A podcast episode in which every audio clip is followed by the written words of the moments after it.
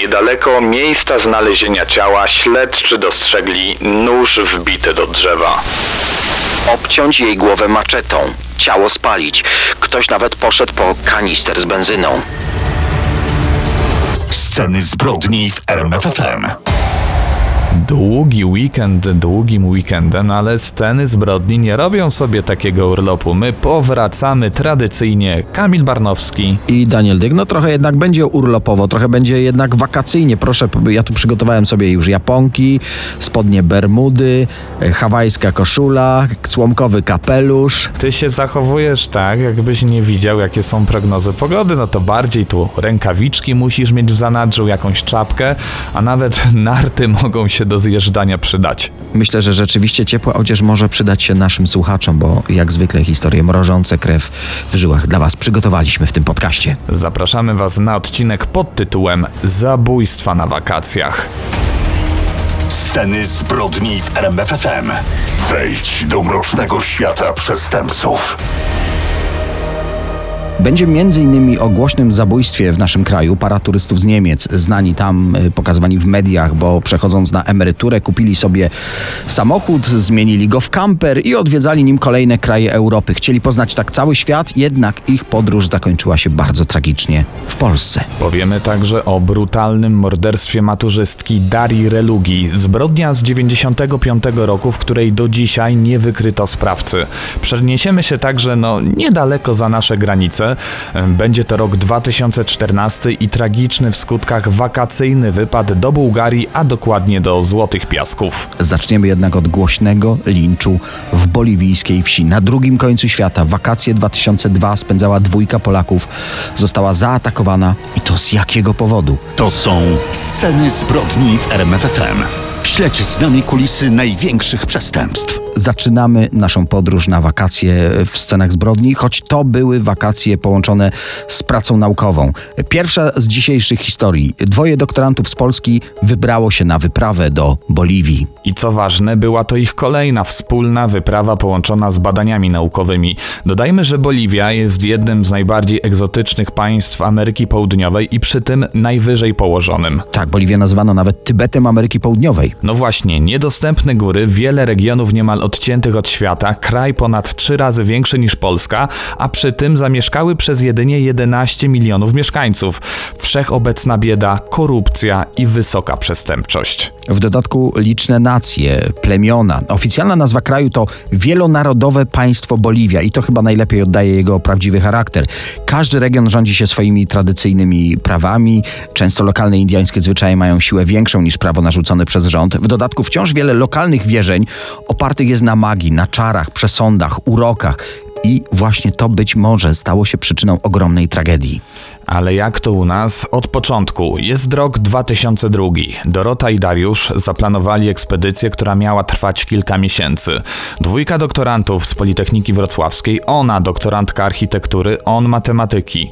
Uczelnia zapewniła patronat ich wyprawie, otrzymali także z Politechniki środki na badania, dostali ubezpieczenie i pełne wsparcie naukowe. Dodajmy, że prywatnie są parą, narzeczonymi i mają już doświadczenie w eksplorowaniu świata. Byli już między innymi w tym rejonie, y, zwiedzali Peru, badali także azjatyckie, no nie mniej egzotyczne regiony, czyli Bangladesz, Indie, y, między innymi Nepal. Z każdej wyprawy przywozili dzienniki, organizowali spotkania, na których opowiadali o tym, co odkryli, były pokazy slajdów. No, Wspominałeś o Peru, byli tam rok wcześniej i wyprawa do Boliwii miała być kontynuacją badań nad plemionami Indian Ameryki Południowej. Wybrali się tam w lipcu 2002 roku. Pierwszy miesiąc wyprawy idzie zgodnie z planem. Przemierzają wspólnie ten kraj, Dorota zbiera materiały do swojej pracy doktorskiej. Mówiliśmy, że to kraj z niemal niedostępnymi regionami. Właśnie te ich najbardziej pociągały. Najlepszym sposobem podróżowania po tych wąskich drogach, stromych podejściach są konie. Wynajęli je tam na miejscu w Boliwii i właśnie na nich objeżdżali górskie ścieżki. Jest 29 sierpnia 2002 roku. Po kilku godzinach w siodle w niedostępnym dzikim terenie marzyli tylko o tym, żeby dotrzeć do cywilizacji. Około 16 udało się. Dotarli dotarli do asfaltowej drogi, mijają ich pojedyncze samochody, pojawiły się nawet domy. Tak, w porównaniu z regionami, które odwiedzali, to naprawdę cywilizacja. Ta wioska nazywa się Huancarani. Dorota i Darek idą przez nią, prowadząc konie objuczone bagażami. Koniom też chcą dać odpocząć.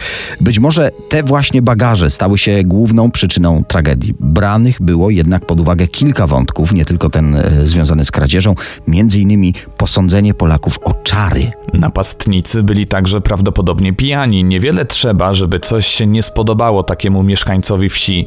Wystarczy po prostu, że do ich wioski weszli obcy. Początkowo grupka mieszkańców coś krzyczała, zaczęła obrzucać podróżników kamieniami. W końcu pięciu mężczyzn podeszło do Polaków, zablokowali im drogę, krzyknęli oddajcie pieniądze. Awantura przyciągnęła kolejnych mieszkańców, podeszły także kobiety. W drzwiach domów pojawiali się kolejni obserwatorzy. Drogą przejeżdżały ciężarówki i mimo wielu świadków grupka brutalnie biła Polaków. Upadli, byli kopani i dalej bici także przez kobiety. Nikt ze świadków nie zareagował, jakby nic się nie stało, a napastnicy po prostu zabierali z bagaży Polaków wszystko, co tylko im się podobało, także pieniądze i dokumenty. Po kilkunastu minutach wskutek pobicia Darek umiera, ale dramat Doroty trwa jeszcze wiele godzin. Pobita, związana, mocno krwawiła. Jej narzeczony nie żyje, a ona marzy o śmierci, żeby te tortury jak najszybciej się skończyły, żeby chociaż straciła świadomość. Była traktowana tak brutalnie, że jak powiedziała później w wywiadzie z Rzeczpospolitą, zazdrościłam tylko Darkowi, że już nie żyje i nie musi się bać. Żeby nie myśleć o kolejnych ciosach i krzykach, liczyła nogi napastników, tylko je widziała wokół siebie. Na tym chciała skupić całą, salutką swoją uwagę. Niestety jej dramat się przeciąga. Trwa to już wszystko 4 godziny. Nie wiedziała, że odbywa się nad nią sąd. Mieszkańcy wsi przeprowadzili głosowanie, co z nią zrobić. Czy darować jej życie, czy ją zabić. Zaczynała zwyciężać opcja, by obciąć jej głowę maczetą, ciało spalić. Ktoś nawet poszedł po kanister z benzyną. Mówiliśmy, że wszystko dzieje się na oczach świadków. Jednym z nich jest nauczyciel, który znalazł w sobie dużo odwagi. On wezwał pomoc. Na miejsce przybyli lekarze, stwierdzili niestety zgon Darka. Chcieli się zająć Dorotą, ale im nie pozwolono. Jeden z lekarzy pertraktować musiał z mieszkańcami wioski, by pozwolili zabrać kobietę do szpitala. Usłyszał, że to jest czarownica, że należy ją spalić. Kobiety, które tam przyszły, nawet zaczęły odkręcać ten kanister z benzyną, chciały polać Polkę, ale lekarz zasłonił ją własnym ciałem. No i to właśnie ten lekarz zażądał, by napastnicy udowodnili, że to naprawdę czarownica. W plecaku powinny być przecież na to jakieś dowody. Mieszkańcy przeszukali plecaki dokładnie, ale niczego nie znaleźli. Żadnych talizmanów czy magicznych przedmiotów. Ta gra na czas lekarzy okazała się skuteczna, bo w międzyczasie wezwali policję i jej przybycie ostatecznie uratowało Polce życie. Po czterech godzinach tortur rozwiązano ją i zawieziono do lokalnego szpitala. Dorota doszła do siebie pod troskliwym okiem sióstr zakonnych, które zaopiekowały się nią po wyjściu ze szpitala. Nie wyjechała jednak z Boliwii. Postanowiła walczyć, by śmierć jej narzeczonego nie uszła napastnikom na sucho. Wyobraźcie sobie, że w Boliwii lincze dokonywane przez mieszkańców zdarzają się nader często, także napady na turystów. Ale dla lokalnej policji to była pierwsza taka sprawa od wielu lat, chociaż wcześniej oczywiście zdarzały się i napady, i morderstwa. No nikt nie zeznawał, sprawy umarzano, nie było świadków. W tym przypadku była poszkodowana i miała wsparcie polskiej ambasady w Limie. Do tego wśród Polaków ruszyły zbiórki pieniędzy, między innymi na prawników. Wróćmy do śledztwa. Policja od razu założyła motyw rabunkowy zbrodni. Biedny kraj, takie rzeczy się zdarzały i niestety pewnie będą się zdarzać. Polakom zabrano przecież wszystko, co wartościowe, ale w trakcie procesu pojawiło się kilka zaskakujących wątków. Gdy Polacy wchodzili do wioski, któryś z mężczyzn krzyknął, że biali przyszli, by wyrywać serca dzieciom. No właśnie, z przebiegu procesu sądowego wiemy, że część tubylców wierzy, że biali porywają dzieci i wycinają narządy potrzebne im do przeszczepów. I to im wystarczyło, by doszło do agresji. Starsi Indianie, często zupełni analfabeci, uznali z kolei, że chodzi o organy potrzebne do jakichś magicznych obrzędów, a czarowników według ich tradycji trzeba zabić i spalić. No tak czy tak, mieli ich zdaniem słuszny powód, by zamordować przybyszów. Mówiliśmy też, że pomogło wsparcie ambasady. Pod jej presją policja zorganizowała w końcu wizję lokalną. Dorota rozpoznała wielu napastników. Zatrzymano 32 osoby podejrzane o lincz, także kobiety. Groziła im najsurowsza możliwa kara w Boliwii, czyli 30 lat więzienia. Ostatecznie 12 osób oskarżono, 6 przyznało się do winy. Wśród wyroków były kary 15-20 lat, ale główni sprawcy zostali skazani na 30 lat w więzieniu o zaostrzonym rygorze. Daniel Dyk i Kamil Barnowski prezentują Sceny zbrodni w RMFFM. Wakacje w stylu scen zbrodni, no i teraz jedna z najbardziej zagadkowych spraw kryminalnych związanych z turystyką nad Wisłą. I to dosłownie nad Wisłą, bo tutaj zaparkowali swojego kampera turyści z Niemiec. To nie jest tak zupełnie anonimowa para. Zrobiło się o nich głośno w niemieckich mediach po tym, jak po przejściu na emeryturę wypłacili swoją polisę na życie i przeznaczyli ją na zakup czerwonego Volkswagena Craftera, którego sami przerobili na kamper. Łóżko, mała kuchnia z lodówką i zlewem, mikroprysznic. I właśnie w tym kamperze chcieli spełnić swoje wielkie marzenie, czyli objechać świat. No ci wielbiciele kamperów realizowali swoją pasję od dwóch lat. Objechali kawał Europy i postanowili zajrzeć do Polski, a później na Ukrainę. Okazja też była świetna. Za trzy tygodnie miało zacząć się Euro 2012 organizowane przez oba kraje. Przed przyjazdem do nas ukazał się nawet wywiad z nimi w niemieckim tygodniku. Zresztą mamy ten archiwalny numer Stern z 2012 roku. Peter powiedział w wywiadzie: Wolę stać na skraju lasu niż z koktajlem w ręku koło basenu. No piękna idea. Emeryci w końcu dojechali do Warszawy i zaparkowali kamper w odludnym miejscu niedaleko działek na tak zwanych siekierkach, czyli tej przybrzeżnej części Mokotowa. Jest 19 maja 2012 roku, sobotni wieczór. Policja otrzymuje telefon od spacerowiczów, którzy zauważyli ten kamper, a obok niego leżącą bezwładnie kobietę. W środku znajdował się również zakrwawiony mężczyzna. Lekarz stwierdził zgon kobiety, ale mężczyzna jeszcze żył. Próbowano go reanimować, niestety zmarł w szpitalu godzinę później. Już na pierwszy rzut oka widać było, że para emerytów została zamordowana i to w niezwykle brutalny sposób. Do kobiety strzelono czterokrotnie z pistoletu. Kule trafiły ją w klatkę piersiową i w głowę. Upadła obok auta i prawdopodobnie natychmiast zmarła. Natomiast mężczyznę zabójca dopadł, gdy siedział za kierownicą. Czy próbował odjechać, czy chciał w ten sposób uciec? Do niego zabójca strzelił raz i trafił dokładnie w głowę. Dodatkowo poderżnięto mu gardło. No i jak się domyślacie, policja ustaliła, że to właśnie owi słynni emeryci podróżnicy z Hamburga. 62-letni Peter H. i 63-letnia Silke G. Początkowo wzięto pod uwagę motyw rabunkowy, no, wydawał się tutaj oczywisty. Starsi ludzie w odludnym miejscu, no ale z samochodu nie zginęły żadne cenne przedmioty. Biżuteria i zegarki leżały w widocznych miejscach, po prostu nietknięte. Złodziej zabrał jedynie torebkę kobiety i pytanie, czy tam było coś najcenniejszego? A może ktoś go wystraszył i tylko to zdążył zabrać? A jeśli nie kradzież, to jaki może być inny motyw tej brutalnej egzekucji? I od razu kolejne pytania, czy to Polak zamordował tę parę, a może ktoś przyjechał za emerytami z Niemiec, brano to pod uwagę, że może to ktoś, komu się 60-latkowie jakoś narazili. Pytań było więcej niż odpowiedzi. Po miesiącu polsko-niemieckiego śledztwa udało się w końcu ustalić zaskakujące szczegóły, ale policja trzymała je w tajemnicy. Liczyli, że informacje podawane przez media o niewinnych staruszkach zamordowanych przez wandala uśpią w końcu czujność zabójcy. No to co ustalono? To był najprawdopodobniej tragiczny finał przestępczego biznesu. Zacznijmy od sprawcy. Nie udało się ustalić kto to, choć zostawił liczne ślady, odciski palców i DNA. Wiadomo, że po zabójstwie spod kampera odjechał na rowerze. Prawdopodobnie był zawodowcem. Sposób zabójstwa przypominał gangsterskie porachunki. To, że uciekał na rowerze, też było elementem wtopienia się w otoczenie. Sporo tutaj alejek, na których widok rowerzysty to codzienność. Skoro porachunki, to na jakim tle? Testy policyjne wykazały, że w kamperze przewożone były narkotyki, amfetamina i kokaina i to nie mogły być małe ilości. Testy wykazały, że największe stężenie śladów narkotyków zachowało się w specjalnie skonstruowanych tajnych skrytkach. I tutaj pytanie, czy przemycali zawodowo, czy z tego finansowali swoje wyprawy, czy kamper był tylko przykrywką dla ich narkobiznesu? Za tym przemawia coś tak błahego jak uwaga, gumki recepturki, które policjanci zauważyli na nadgarstku zamordowanych zamordowanej kobiety. Jak przypuszczają, kobieta przygotowała je sobie, by spiąć pliki banknotów, jakie miała dostać za towar. Według tej hipotezy w tym ustronnym miejscu nad Wisłą miało dojść do przekazania sporej ilości towaru, ale tajemniczy klient zapłacił kulami, a nie banknotami. To są sceny zbrodni i dzisiaj mówimy o zabójstwach na wakacjach. Czas na morderstwo Darii Relugi. Jest piątek, 4 sierpnia 95 roku, około 7 rano. Daria wychodzi z domu przy ulicy Bobrowej, niedaleko siedziby AWF-u.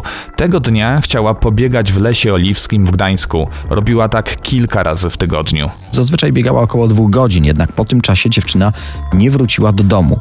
Jako pierwsza zauważyła to jej mama, która dotarła do domu po zakończeniu pracy. Od razu wpadł jej w oko skórzany plecak Darii, z którym właściwie zawsze wychodziła. Zaniepokojona mama około 16 zgłosiła zaginięcie córki.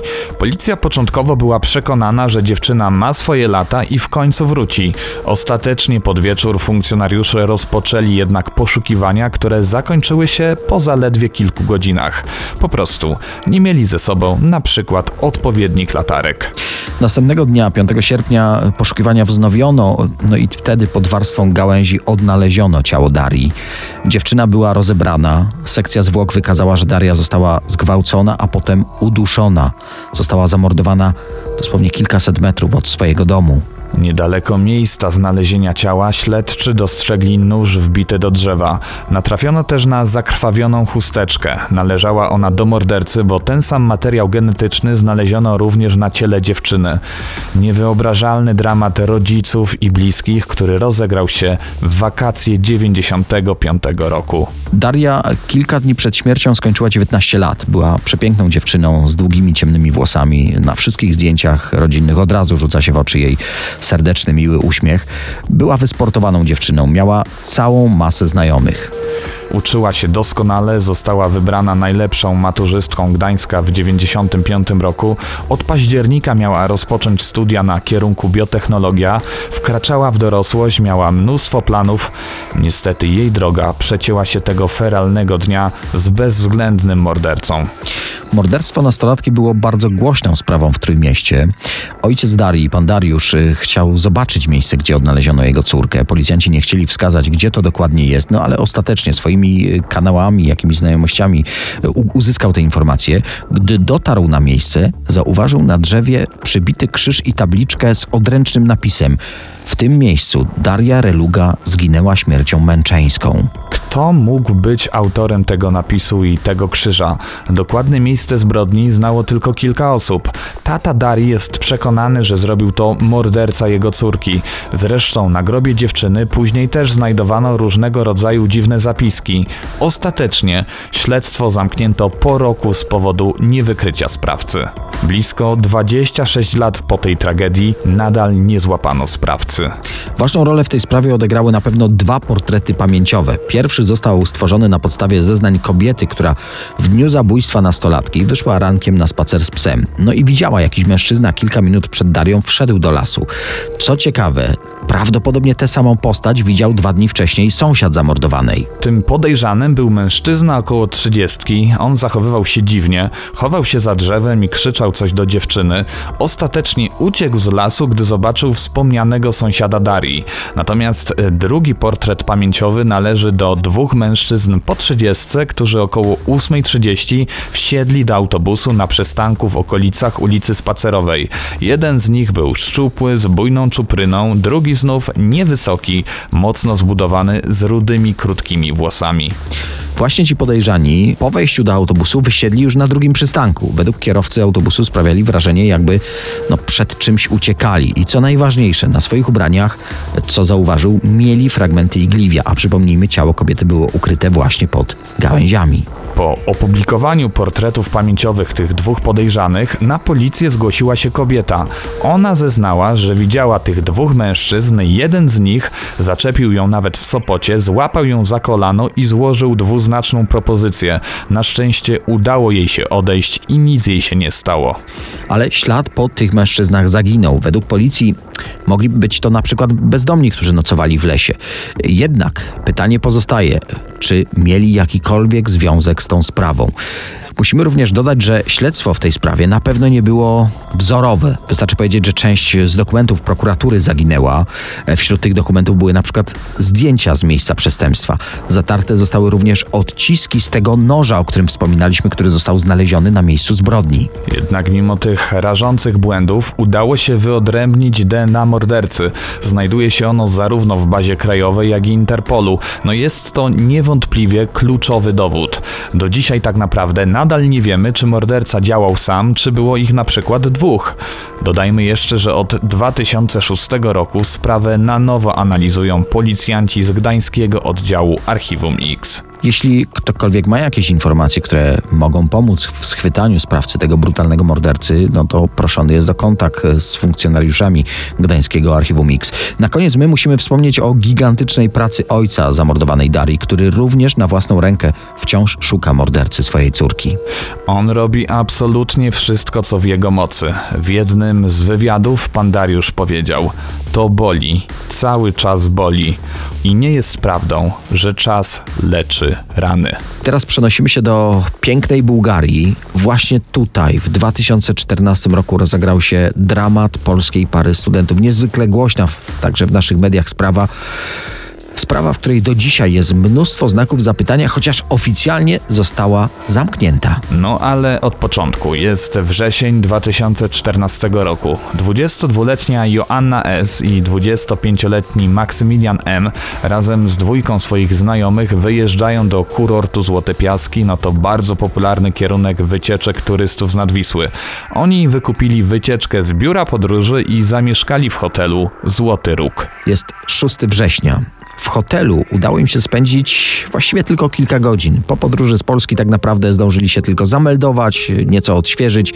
Następnie razem właśnie ze znajomymi wyszli do centrum miasta pobawić się trochę w barze karaoke o nazwie Mapet. Po zakończonej imprezie Joanna i Maksymilian wybrali się jeszcze na spacer nad morze. Ich znajomi wrócili do hotelu wcześniej. Monitoring zarejestrował, że para z klubu wyszła około drugiej w nocy, czyli już 7 września. Nie mieli ze sobą telefonu komórkowego, nie mieli dokumentów, nie mieli żadnych rzeczy osobistych. Jak później się okaże, te wspomniane przez Ciebie nagrania monitoringu rejestrują e, tak naprawdę ostatnie chwile życia tych młodych ludzi. Właśnie wtedy urywa się po nich jakikolwiek ślad. Rodzina i znajomi studentów organizują poszukiwania na miejscu i w internecie. Trzy dni po zaginięciu do akcji w końcu wkracza również policja bułgarska. Sprawa była nagłaśniana e, również w mediach, o czym wspominaliśmy, i polskich, i, i bułgarskich. Brano pod uwagę wszystkie możliwe hipotezy z morderstwem na czele, z jakimś uprowadzeniem, z ucieczką studentów włącznie. Przełom w sprawie następuje w połowie września, ponad tydzień od zaginięcia. Zrealizował się najczarniejszy scenariusz. Morze na brzeg wyrzuciło dwa ciała. Późniejsze badania jednoznacznie wskazały, że są to poszukiwani studenci z Polski. Co zaskakujące, ciała odnaleziono w odległości około 100 km od plaży, na którą wybrali się studenci tej feralnej nocy. Nigdzie też nie odnaleziono części ubrań tej pary. Według oficjalnej wersji, zdaniem bułgarskich służb, sekcja zwłok wykluczyła udział osób trzecich. Ich zdaniem Joanna i Maksymilian zginęli w wyniku wypadku. Przyczyną śmierci było utonięcie. Płatni zabójcy, seryjni mordercy i sceny zbrodni w RMFFM. No, rzeczywiście te wszystkie hawajskie koszule okazały się nie na miejscu. Trochę zmarzłem, jakby chłodniej się zrobiło. No ja, mój drogi, załatwiłem cię bardzo prostym sposobem. Wystarczyło wcisnąć przycisk klimatyzacja on, no i dajesz tam 14 stopnia, może o 12 jeszcze dam. Dobrze, że już kończymy nagrywać, to sobie nóg bardzo nie odmrożę. Yy, Bardzo Wam dziękujemy. Mm, Do usłyszenia w kolejnym podcaście. My nagramy go za tydzień, ale dla Was ten tydzień to może być o, jedna sekunda. Wystarczy kliknąć, być może ten podcast jest już nagrany i leży na rmfon.pl. Więc do usłyszenia już za moment, oczywiście w standardowym składzie Sten Zbrodni, Kamil Barnowski. I marznący coraz bardziej Daniel Dyk. O, 9 tu mu dam. Sceny zbrodni w RMFFM. Wejdź do mrocznego świata przestępców.